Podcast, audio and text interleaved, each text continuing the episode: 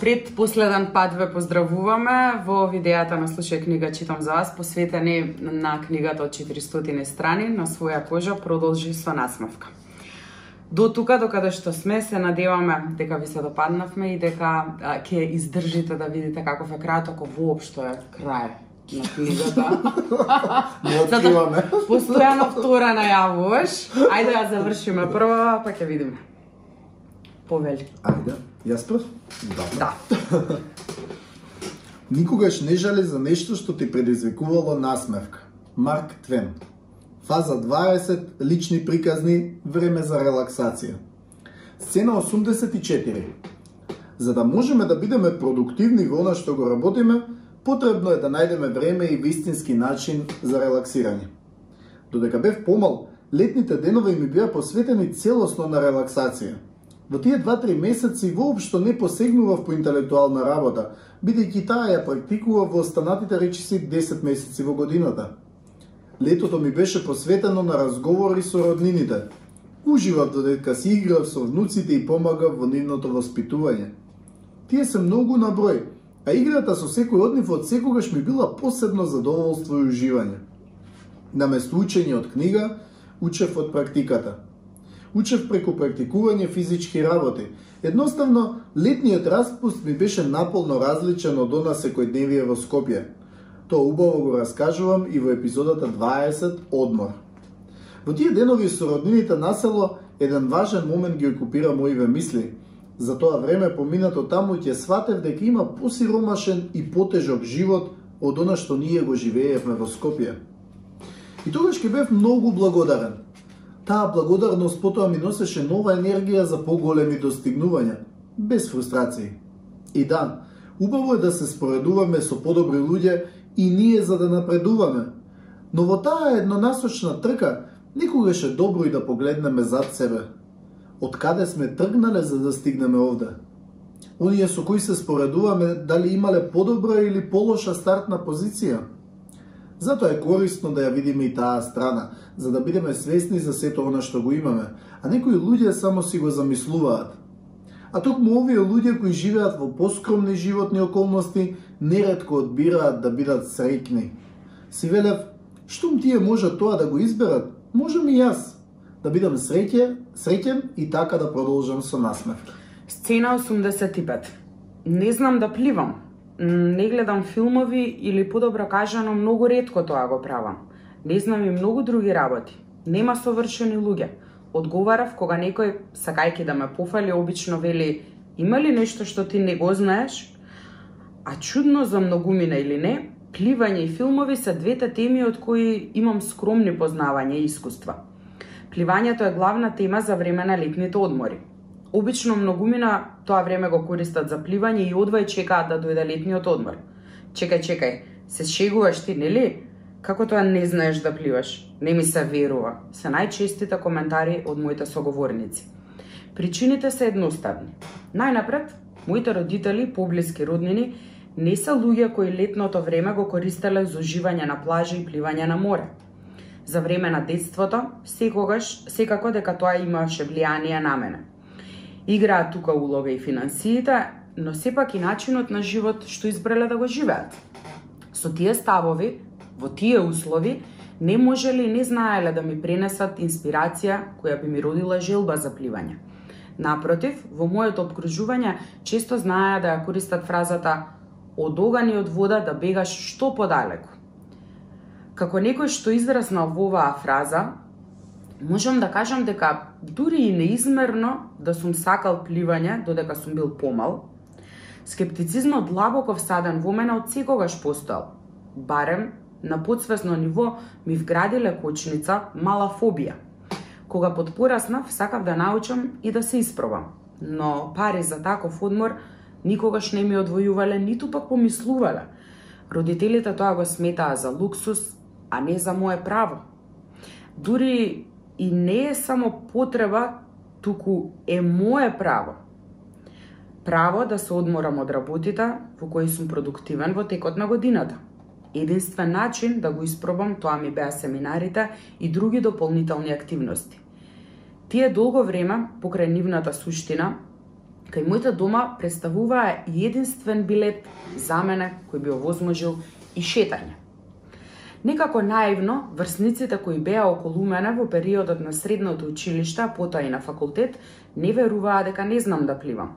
Поради тие постапки на шега во првите два-три обиди да ме учат да пливам, за малку ќе ме удавеа. Во тие моменти имав на вистина јасна желба дека сакам да научам, но очигледно тоа го правев со погрешни луѓе и на непрофесионален, па дури и несериозен начин. Тоа ми ја врати и поттикна фобијата. И подоцна во животот, кога бев на абсолвентската екскурзија, додека бев на одмор со девојка со која во соодветно соодветното лето сум бил во врска, па и на други шетања, сакав да научам и се обидував помалку. Сепак, не ми представуваше целосно уживање како и на другите врсници кои одамна знаеа да пливаат. Во последните години имам мал напредок. Поради тоа, баш со Саша минатата есен, одлучивме да посетуваме часови за почетници, возрастни, во базенот Карпаш во Скопје. Не беше интересно, а јас нема воопшто страв, бидејќи знаев дека ми учи професионалец инструктор. Сепак, мојата работа, особено во тој период, беше таква што не бев цело време во Скопје, туку често патував, па бев присутен само на неколку почетни часови. Саша продолжи три месеци и на вистина научи да плива. Јас немав континуитет, а во себе си реков, добре, сега барам знам дека кога и да сакам, ќе научам со помош на професионалци. Не можам да фатам континуитет овој период. Па наместо ова малку слободно време кое го имам да го користам на активности кои допрва би ги учел, поубаво ми се релаксира целиот организам со активности кои веќе ги знам и во кои уживам. Тоа е затоа што во текот на еден ден имам многу активности, а да работев само една работа, со задоволство ќе го искористав слободното време да научам да пливам. А за филмовите, ех, тоа исто така е интересна тема. Саша, мојот најдобар другар од детството, ги гледа и ги следи сите филмови. Или речи си сите. А јас често велам, не стигнувам да гледам филмови, бидејќи животот ми е филм. Наместо да гледам, јас го живеам животот филмски, Може ова да личи на шега, ама во суштина е така. Додека живее во Долно Лисиче и условите беа различни, некако поповолни за гледање телевизија, за другарување по дома, со правење седенки. Ама мојот ден надвор од дома најчесто завршуваше многу доцна, речи се на полноќ. Па по толку активен ден немав концентрација да гледам филмови, а намалив и со гледањето фудбалски надпревари. Она малку слободно време што го имав, и тогаш Го користавме за организирање седенки по дома со Саше, Биле, Кики и Љупка, гледавме надпревари во фудбал, ракомет, кошарка и тоа особено кога игра македонскиот национален тим. За време на седенките правевме и многу суштински разговори на разни обштествени теми, коментиравме и гледавме нови видеа, нови песни.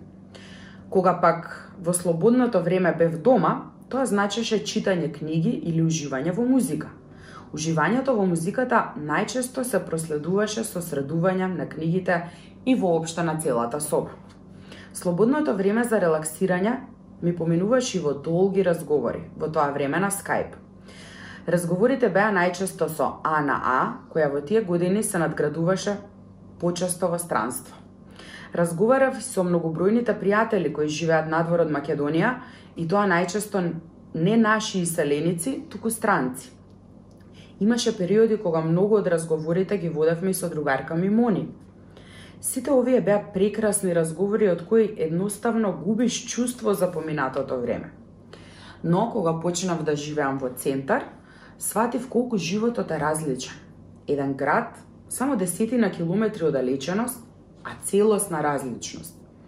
Од тогаш, на своја кожа, почувствував што е тоа спонтаност збор што не можев да го практикувам додека живеа во Долно Лисиче. Причините беа едноставни. Не можеш спонтано во 10 минути да се сретнеш со некој, затоа што потребно е да помине минимум еден час од моментот на разговор до моментот на средбата. Со живењето во центар, состојбата е наполно различна. Сега времето може поспонтано и посуштински да се искористи за присуство на латино забави, за гледање некоја убава представа в театар или пак да се биде дел од кој да било култура настан во градот. За среќа, ги има се повеќе и поразлични. И не е тоа ново измислено време. Пак се тоа истите 24 часа. Тоа се истите оние часови што ги користав за возење со автобус, а со оглед на условите во автобусите низ повеќето години, додека не можев ефективно да го користам времето и за нешто друго. Ах, барем светлото да работеше постојано и квалитетно, да можев уште повеќе книги да читам. Поради тоа многу пати спиев додека се возев околу 40 минути во една насока. Дури откако купив паметен телефон, можев нешто да сработам, да прочитам, да слушам за времето додека се возам во автобус. Во времето пред да имаме паметни телефони, единствено добра работа за возењето со автобус беа моментите кога ќе се погодевме заедно со некој од пријателите. Тогаш автобусот го користавме како да сме на кафе во кој да било кафула во градот. Се смеевме, разговаравме или пак раскажувавме шеги и вицови, споделувавме најразлични искуства. Како што велат, во секое лошо има по нешто добро. Сцена 86. Со патнику, да ти кажам искрено, голема предност во животот ми е тоа што научив да не ги гледам работите само еднонасочно. А така многу од активностите што ми представувале голема релаксација, военно ми развиле вештини што ја збогатуваат мојата професионална биографија. Например, играњето футбол го разви во мене тимскиот дух. Играњето шак, шак ги разви тактичноста и стратешкото размислување. Јавните настапи се повеќе и повеќе ја зголемуваат самодовербата, но и препознатливоста. Патувањата го прошируваат видикот и се непресушна инспирација за нови идеи, за развивање креативност. Фолклорните ора ги зголемуваат координа... координираноста и усогласеноста, Танцувањето латино го зајакнува чувството на партнерство, ги изголемува довербата, кондицијата, флексибилноста. Организирањето настани ги изголемува организаторските способности, но пред се ја подобрува социализацијата и ја развива комуникацијата во средината, која станува се повеќе информатичка или IT средина. Не се само овие, и многу други начини на релаксација развиваат по некоја дополнителна вештина – која е добредојдена и за нашата професионална биографија. Да го имаме тоа на ум. Сцена 87. Патувањата ми се едно посебно необходно ниво на релаксација. Релаксација која пружа мотивација, која е основа за инспирација, за раѓање на иновативни креативности, насока за нови искуства. Таа моја голема жилба за патување, која ми беше скратена додека бев дете, ја возобновив практикувајќи ја особено во последниве години. На вистина, и во годините предходно, патувањето било нераскинлив дел од оние семинарски активности во кои завршував најмалку три во едно работи. Сето тоа само ги зацврсти темелите на овој мој нов начин на живот, наполно различен од оној во детството, во кој сега се професионалната кариера вклучува различни патувања и да бидеме свесни дека тоа ќе биде и нашата иднина. Не само мојот, туку и многу други видови работни ангажмани ќе вклучуваат патување и поврзување со другите точки од земјата.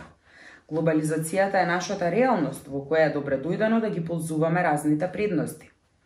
Главниот пресврт во мојот живот, периодот кога почнав да патувам, беше 2009 година. Тогаш бев на возраст од 21 година.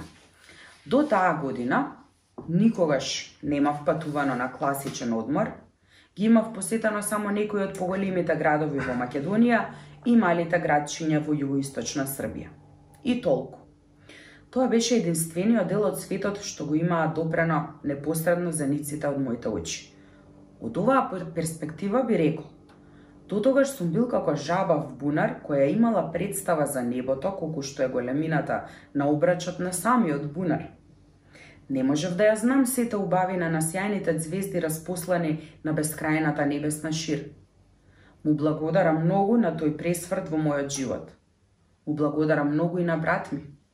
Тој несвесно, со својата смрт, успеа барем малку да ги отвори чакрите на татко ми, да ја разлабави неговата строгост, да му покаже дека патувањето може наместо луксус да представува лек во буквална смисла на зборот. Лек за душата на неговиот втор син. А јас, со целосно отворено срце, подготвено да ги почувствува брановите од емоции од различна точка на земјината топка, му се радував на секое ново патување одново и одново, како мало дете на нова играчка.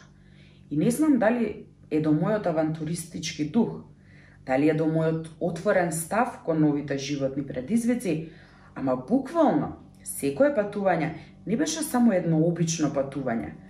Напротив, секое ново патување носеше нова жар, за мене нова животна лекција, неверојатни лични приказни кои со задоволство во најситни детали би ги раскажувал. Несебично ќе ги споделувам за да прогледаат многумина како со мојве очи, како што јас тоа го правев учејќи од вистинските приказни кои ми ги раскажуваат дека бев само едно мало дете од скромно семејство. Тој животен пресврт кон нови патувања во 2009 година започна со правнијадата во април, која се одржа на копаоник Србија.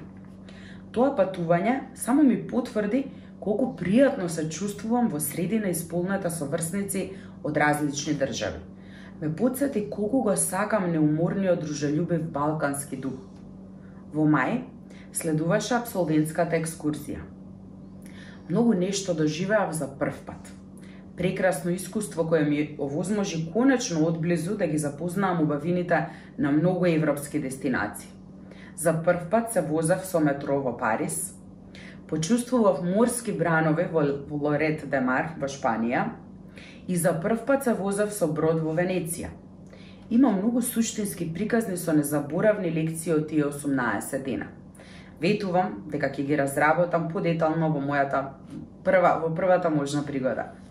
Од сите лекции, мене особено ми остави впечаток тоа што сватив дека штом сам можам да се снајдам во Париз сред ноќ, тогаш ќе можам да се снајдам патувајќи на секаде, секогаш, со кое и да е превозно средство.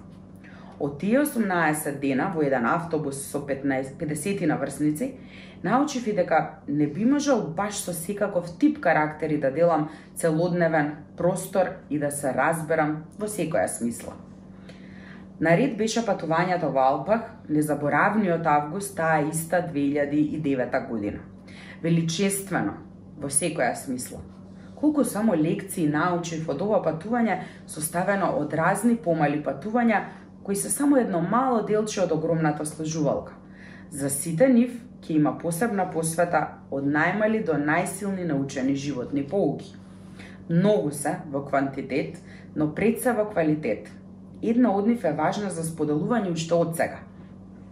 Ова патување ми овозможи не само да се ракувам или да се смешкам со светските лидери, туку да разменувам идеи, да им поставувам директни прашања, да ги критикувам в лице, а тие да ме величат и да ми даваат награда, да застанам рамо до рамо до премиери, до носители на високи функции во институциите на Европската Унија, но и на САД, до светски познати професори, бизнисмени, уметници, научници.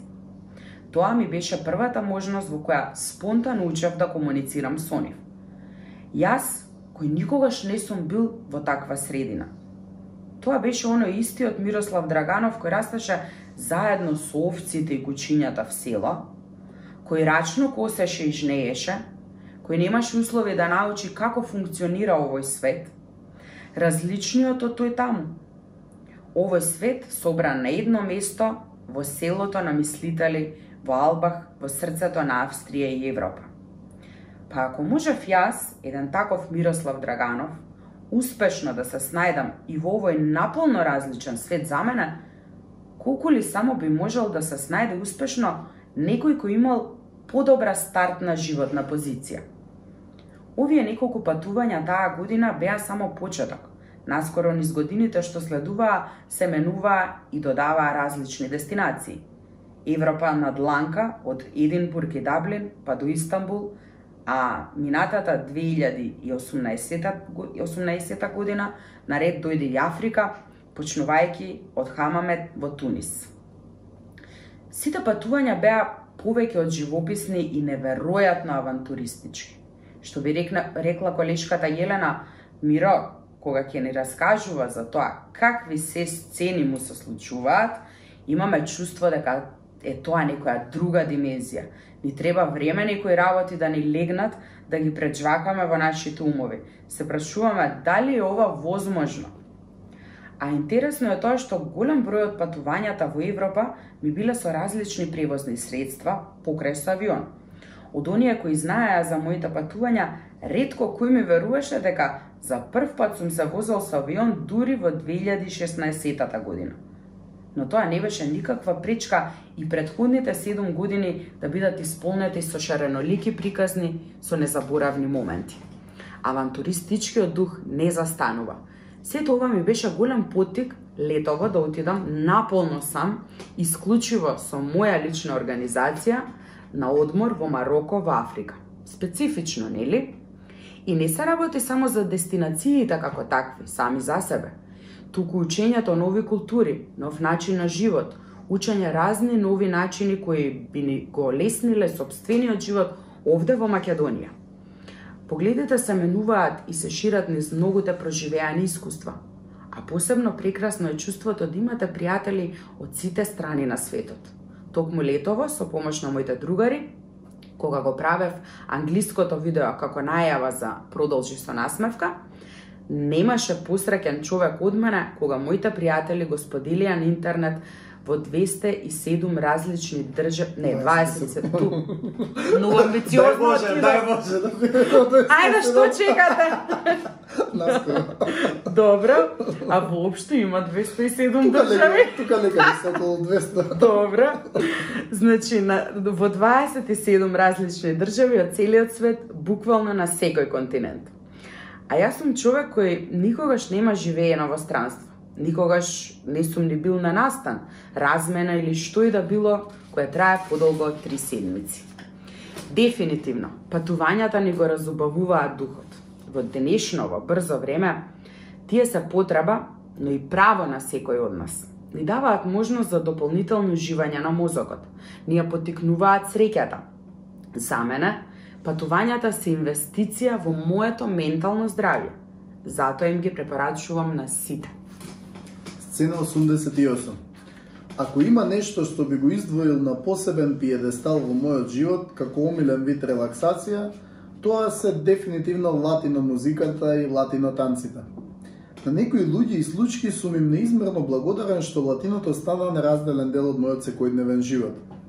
Се започна од препораката и потикот на Ирена, што започна уште од 2012 година.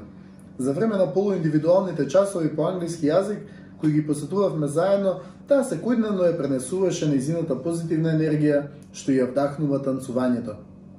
Решив да и се приклучам веднаш откако го положив правосудниот испит. Најнапред бев гости на снимањето на една епизода од Танц од звездите и веднаш донесов одлука дека сакам да посетувам часови што поскоро.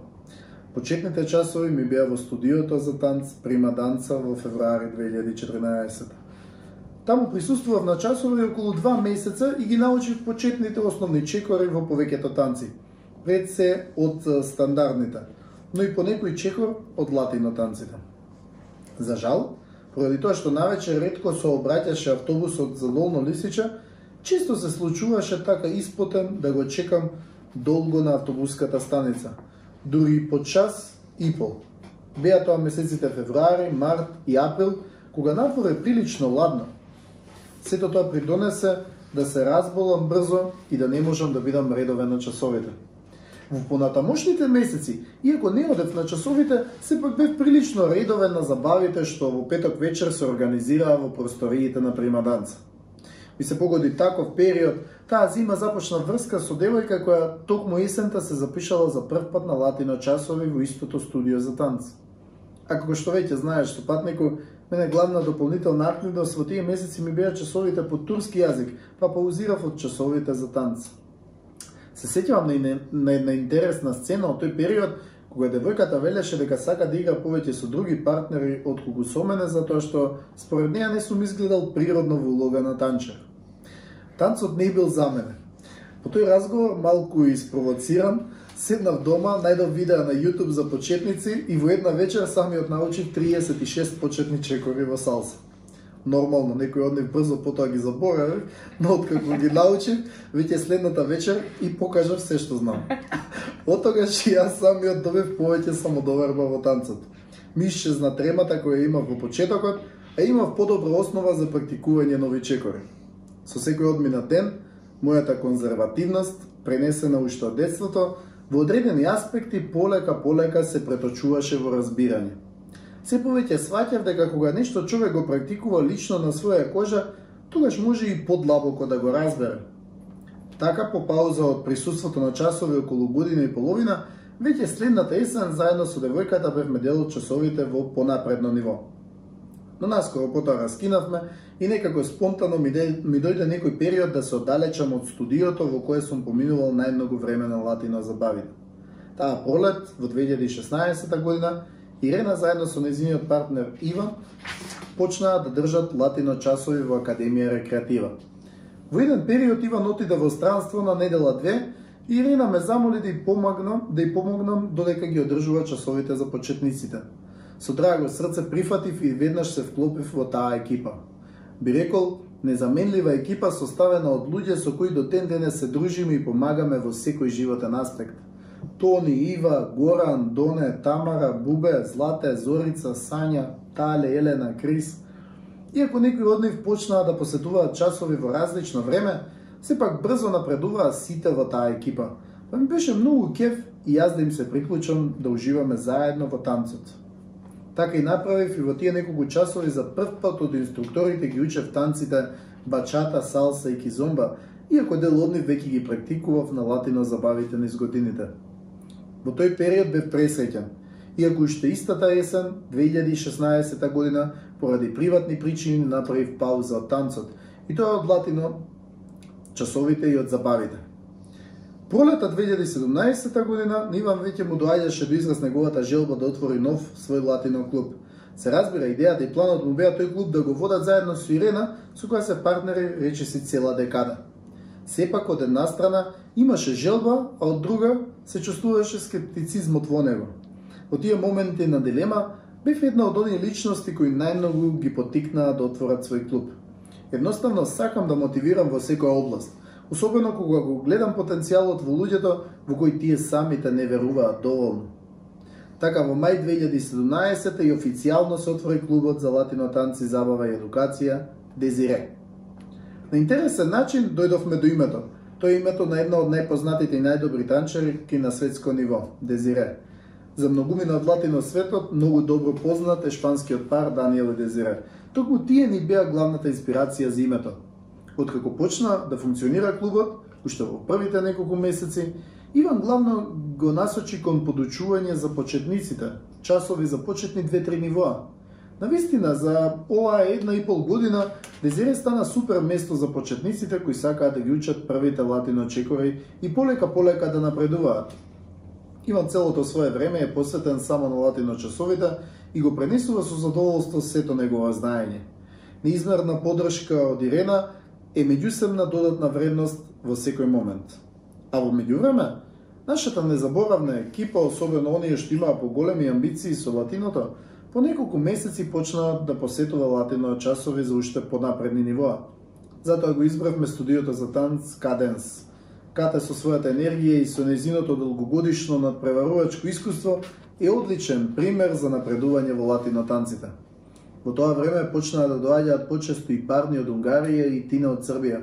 Па имавме навистина напредни и незаборавни латино семинари и дружби во Скопје, Охрид, Ниш, а доправаќ има и уште повеќе.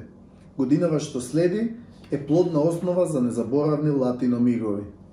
Но да не заборавиме, не се само овие клубови единствени за латино часови во Скопје. Тие ми се омилени бидејќи сум имал непосредно искуство со нив, но не се ништо полоши ниту клубовите со Нриса, Eat the Beat, Dance, Dancers United, iDance. Сите тие си имаат своји специфики, а секој од латино заедницата, но и пошироко, ужива да биде дел од забавите организирани од кои да е било од овие клубови. Секој од нас има своји причини и мотивација да биде дел од латино светот, а јас имам повеќе такви. Тоа е место каде што во исто време може да дојде до израз мојот мултитаскинг, овој пат во однос на уживањето. По еден работен ден поминат со многу комуникација на мобилниот телефон, тие неколку часа се совршени да го оставам мобилниот в джеб и да заборавам дека постои. Ако целиот ден ми се заснувал на интелектуална работа, ова се моментите за физичка активност, слична како која и да е друга спортска активност. Но не е тоа само обична физичка активност, туку воедно излегување со друштвото на релаксација, на дружење, на понекоја пијачка со убави разговори и многу позитивна енергија.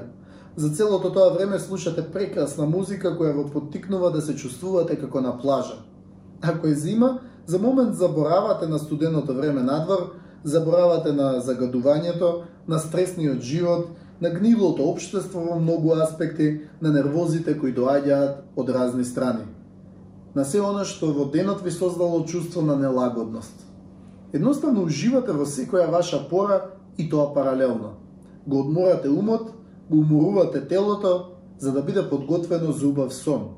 А на мозокот му влевате обновлива енергија за поефективно функционирање и си го подобрувате животот со тоа што почесто се гушкате. Латинотанците тоа го возможуваат почесто од која и да е друга активност. Гушкањето и научно е докажано дека го подобрува нашето расположение, така што и тоа е дел од причините за уживање во латино атмосферата. Танцот ја зајакнува и самодовербата, а неизбежно ја унапредува и невербалната комуникација. Говорот на телото на партнерите е посебна специфика која ја доловува уметничката убавина на танцувањето. Поради се тоа, јас со, латин, со латиното имам минимум 4 во едно. А и секој друг може да го направи тоа, се разбира, ако најнапред си дозволи да го засака. Сцена 89. Ево оваа сцена нема да ја опишувам, туку ќе се одморам. Отидов малку да се релаксирам на латина забава. Ај пошто беше многу долга ќе продолжам. Релаксирање ни стихови да одморам. и додека душа ви отворам, решив книгава да ја привршам, па малку да одморам, да пронадам чист воздух да подишам. Можевме ли поинаку? Во периодите кога имав голем интелектуален ангажман, а мала физичка активност, тоа влијаеше негативно на моето здравје, но и на продуктивноста. Необходно е да имаме поголема физичка активност. Грешиме кога мислиме дека финансиите се нашето најголемо ограничување за релаксација. Погрешните приоритети се нашето ограничување. Во минатото многу работи не сум ги разбирал и помалку или повеќе сум ги осудувал. Ако не го отворев умот за да научам повеќе за нив, ако некој од нив не почнав и самиот да ги практикувам, ќе останев на тоа ниво од, на тоа ниво од минатото. Неможноста најчесто е само во нашите глави, Оно што за нас е неразбирливо, за другите е. И обратно, меѓуселното разбирање ќе се зголеми кога ќе го отвориме умот за учење на неразбирливото. Танцувањето латино не значи дека не ги сакаме или не сме ги или сме ги заборавиле македонските ора. Може да ги практикуваме и представуваме пред светот двете. Мене ме прави подеднако горд кога го промовирам латино танцот, но и кога го промовир, кога ги промовирам македонските фолклорни ора и песни, додека сум водител на концертите на културно-уметничкото друштво Гоце Марковски. Да бидеме подобри. Патувањата не се трошок, туку огромна инвестиција во нашето здравје, знаење, искуство, во севкупната наша иднина. Научно е докажано дека сме попродуктивни и посрекни кога сме физички поактивни како и кога ќе одлучиме да бидеме физички активни, е наш избор. Не, ова лошо го прочитам. Како и кога ќе одлучиме да бидеме физички активни, е наш избор. Само да го направиме. Многу подобро за нас е ако практикуваме физичка активност која ќе ни овозможи спој на повеќе можности за релаксација, а со тоа и заштеда на време. Ако нешто не функционира доволно, да ги промениме приоритетите.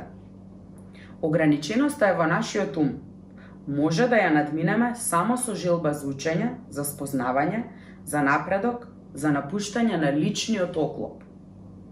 Ако ме прашате што е тоа пет во едно, одговорот е латино танци. Одморате од читање или се одморате со читање? Ајде да се запрашам. Кои три работи најмногу ме релаксираат? Колку часа во текот на една седмица користам за физичка активност? Која нова физичка активност би ја започнал веднаш од денес? Кои ми се трите дестинации на кои би сакал да отпатувам што поскоро? Кои се трите работи што во текот на созревањето се повеќе ги разбирам? Со твојата насмевка смени го светот. Не дозволувај светот да ја смени твојата насмевка. Непознат. Фаза 21, лични приказни, незгодните карактери нема да се сменат. Сцена 90. Во овој животот кој еве поминав една третина, научив дека што и да направам јас во животот, некои луѓе нема да се променат. Им благодарам за оваа важна животна лекција. Како што веќе ти раскажував со патнику, додека живее во Долно Лисиче во работните денови по цел ден не бев дома – Кога ќе излезав од дома околу 7, 7 часот и 30 минути наутро, најчесто моите, а особено мајка ми, се уште спија или барем лежеа на креветот во спалната. Кога ќе се врате вечерта нешто пред полнок, исто така во голем дел од случаите тие спија. Најчести активности дома ми беа туширање, вечерање на нога, подпалување на шпоретот за да ми се стопли малку собата, завршување некоја работа на лаптопот и спиење од максимум 7-8 часа. И во такви случаи, мајка ми му се жалеше на татко ми. Ете, човек не може да спие, по цела вечер да се тропало в кујна, да се пушта тушот в бања. Тоа намерно го прави само за да разбуди некого. Тој мисли дека некој по цел ден лежи дома и ништо не работи, додека тој се расшетува наваму натаму. Секој коментар на овие зборови би бил излишен. За да не предизвикувам дополнителни караници, повторно јас бев тој што се адаптира, се обидував да ја сменам рутината. Јадев некаде в град, или пак ќе си земев нешто за да каснам кај мене в соба. А малку насила, наместо на вечер, почнав да се бањам наутро, пред да одам на работа. Убаво беше расунувањето под туш наутро, ама за време на студените денови тоа беше причина плюс за побрзо разболување, бидејќи во собата наутро беше студено, а надвор исто така. Но и покрај тоа моје адаптирање, многу од коментарите не го сменија тонот, туку предизвикуваа нови фрустрации. Благодарен сум што и по неколку обиди за наоѓање решенија, ваквите карактери ми покажаа дека не е до мене – Обично во вакви ситуации многумина си го поставуваме токму тоа прашање. Дали е нешто до мене што се јавува ваков проблем? И ако е до мене, што е тоа? Факт е дека некогаш е до нас, а некогаш не е. Но, некогаш е потребно да се ставиме во кожата на другиот за да го разбереме. Нормално, тоа е под услов ние да имаме желба да го разбереме, а воедно тој да има желба да биде разбран. Сцена 91. Кога почнав да учам за правосудниот испит, уште првите 2-3 дена се скарав со мајка ми. Тешко е кога некој не е научен да функционира во куќата, кога и друг е дома по цели денови. Подоцна таа почна да работи. За прв пат во незиниот живот почна да работи во една пекарница во близина. Работеше само трета смена, па денските обврски ги завршувавме татко ми и јас и знаеме распределено. Татко ми наутро ги хранеше домашните животни, јас бев задолжен за нив во текот на денот, така се правев пауза од учењето и ги користев тие активности за раздвижување. А става ми беше пред се задолжена за сите обврски околу земниците. Тоа беа месеците септември, октомври, ноември таа 2013 година. Мајка ми остана на работа само 3 месеци, Имав надеж дека тоа искуство ќе може да разбере како име на другите кои постојано одиме на работа на разни работни места надвор од дома. Мислев дека ќе може да свати со какви предизвици се соочуваме. Но, очигледно немањето желба за сватење беше главната пречка. Благодарен сум што оваа случка ме научи дека има луѓе кои покрај тоа што практикуваат нешто, нема да те разберат ако ти го правиш истото. А од друга страна има луѓе што и да не практикуваат нешто, имаат разбирање, бидејќи имаат желба за тоа. За искрени насмевки наместо со првите, да поминуваме повеќе време со вторите.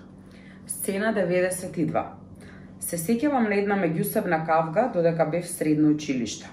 Баналноста поради која започна оваа кавга не заслужува место во книгава.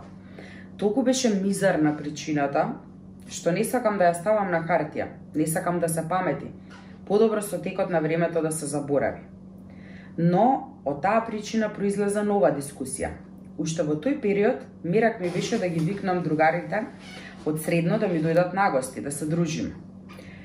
Кај многумина, од нив јас сум бил дома, без разлика дали заради заедничка изработка на проектни задачи, за да ми за да им помогнам во подготовка за тестовите по математика или пак за некој роден ден слава, гледање фудбалски надпревар. Ке се радував и јас доколку и тие ми бидат мои гости. И тогаш за време на таа дискусија и реков: Утре, ако викнам некој од другарите да ми дојдат на гости, тие ќе седат час 2 до 3 Зари за тоа време ти би ми давала некои домашни обврски да ги завршам и на секој пет минути би ми наредувала оди до, од подрум да ми донесеш тоа и тоа, ајде однеси им го ова, шупа на кокошките, направи им јадење на домашните животни и слични секојдневни твои навики? Па нормално, работата не може да чека, мора да се заврши во моментот. Не можам јас да се занимавам и да му слугувам на некој што дошол тука да денгуби и да ми го арчи времето, ми одговори. Малку е ако кажам дека бев стаписан од овој одговор, но едно ми беше јасно. Пак ќе бидам јас тој кој ќе мора нешто да жртвува и да се адаптира.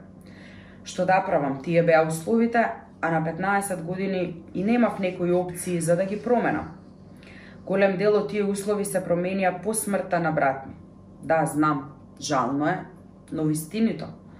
А во тие подоцна променети услови, кога можев послободно да си викнам гости дома, интересно е како човек може добро да глуми и да се умилкува, така што другите да стекнат наполно спротивен прв печаток од она што е реалност. Јасно е дека сите имаме разни кавги, предизвици по дома, на работа, на секаде. Луѓе сме, со чувства, со емоции, различни карактери, различни услови и причини за специфично однесување. Но секојдневното лицемерие е неподносливо на толк рок.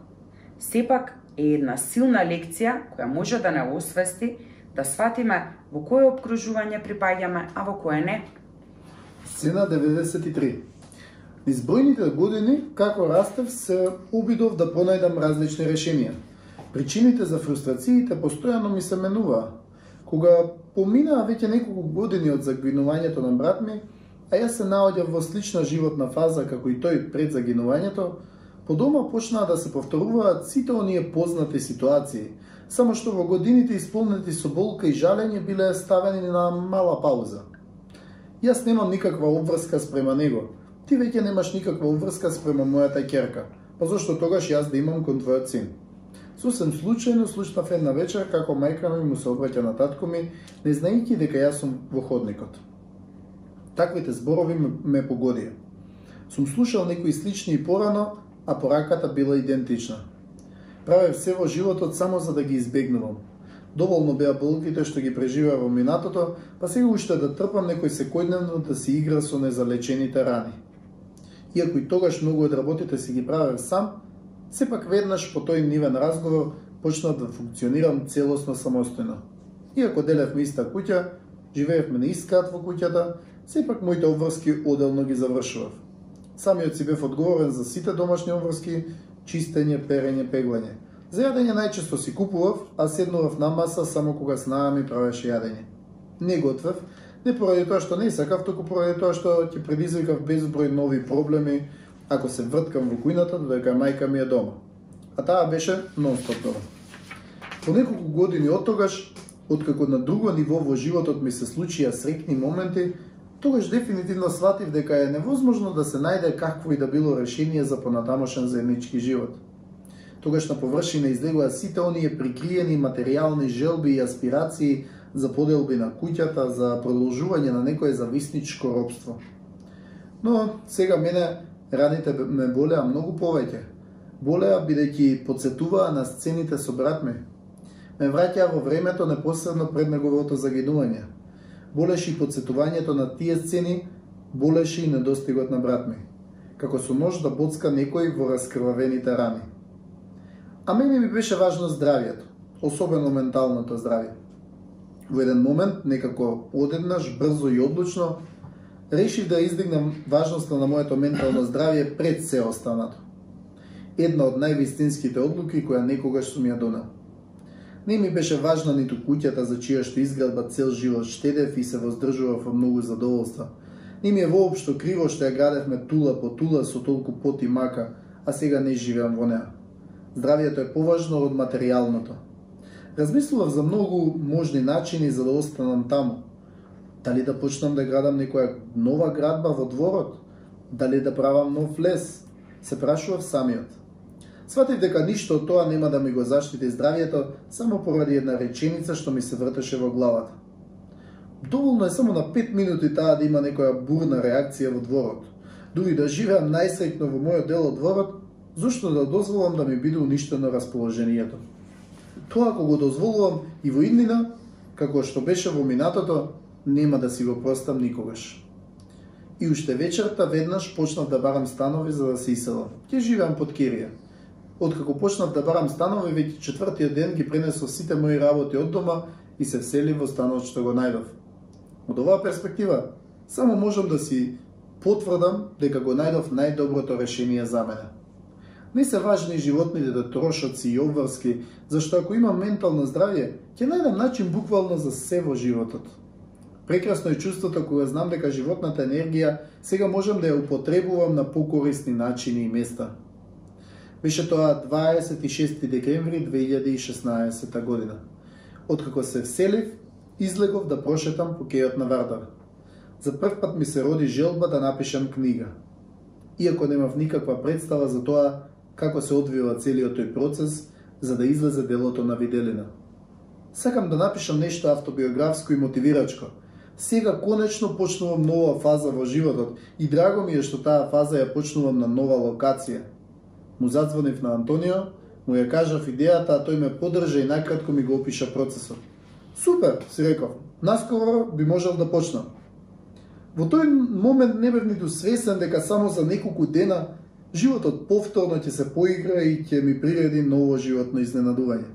Тоа изненадување го спречи пишувањето на книгата во тој момент, но создаде силна основа за развивање на нова креативна идеја преточена во продолжи со насмевка и три книги, од кои првата еве со патников во твоите дланки. Две години и подоцна, од таа моја прва замисла, радосен сум што ова моје прво дело наскоро ќе ја доживее својата светлина. Незгодните карактери ни стихови, без дилема. Зар песна ним, ним да им посветам? Не, нема. Туку само вам да ви посочам, заблагодарете им се за лекцијата и бидете подалеку од нив, без дилема. Можевме ли поинаку? Испробав многу начини. Не добив различен резултат. Да пробав уште толку, верувам дека пак немаше да се промени ништо, бидејќи не постоеше желба. Доцна донесов одлука за осамостојување, за иселување. Ова решение не влијаеше позитивно само на мојот живот, туку барем малку им го подобри животот и на татко ми, на снаа ми и внук ми. Брат ми велеше, Ако бидеш нон-стоп покрај нив и ги слушаш, ќе затапеш. Времето покажа дека бил во право. Добро е што малку подоцна, ама сепак ги послушав тие негови зборови. Да бидеме подобри. Ако имаме луѓе со незгоден карактер во наша близина, да им заблагодариме за лекцијата која ни ја дале со своето постоење и однесување и да не го трошиме веќе времето со нив. Нема ништо поважно од менталното здравје, нашето, но и на сите други нам драги личности. Ајде да се запрашам. Кога прв пат сум се сретнал со човек кој има незгоден карактер? Дали од оваа перспектива тој со текот на времето го сменил своето однесување? Кои се три најчести пристапи кои сум пробал да ги применам за да излезам накрај со личност која има незгоден карактер? Колку квалитетно време поминувам со таков карактер во текот на еден месец? На кои две цели ќе инвестирам енергијата, наместо да ја трошам на незгодните карактери. Јас сега си ги одговорам прашања. Баш ме чепна со ова со незгоднива карактер. Се надевам и вас до следното читање. Поздрав. Поздрав.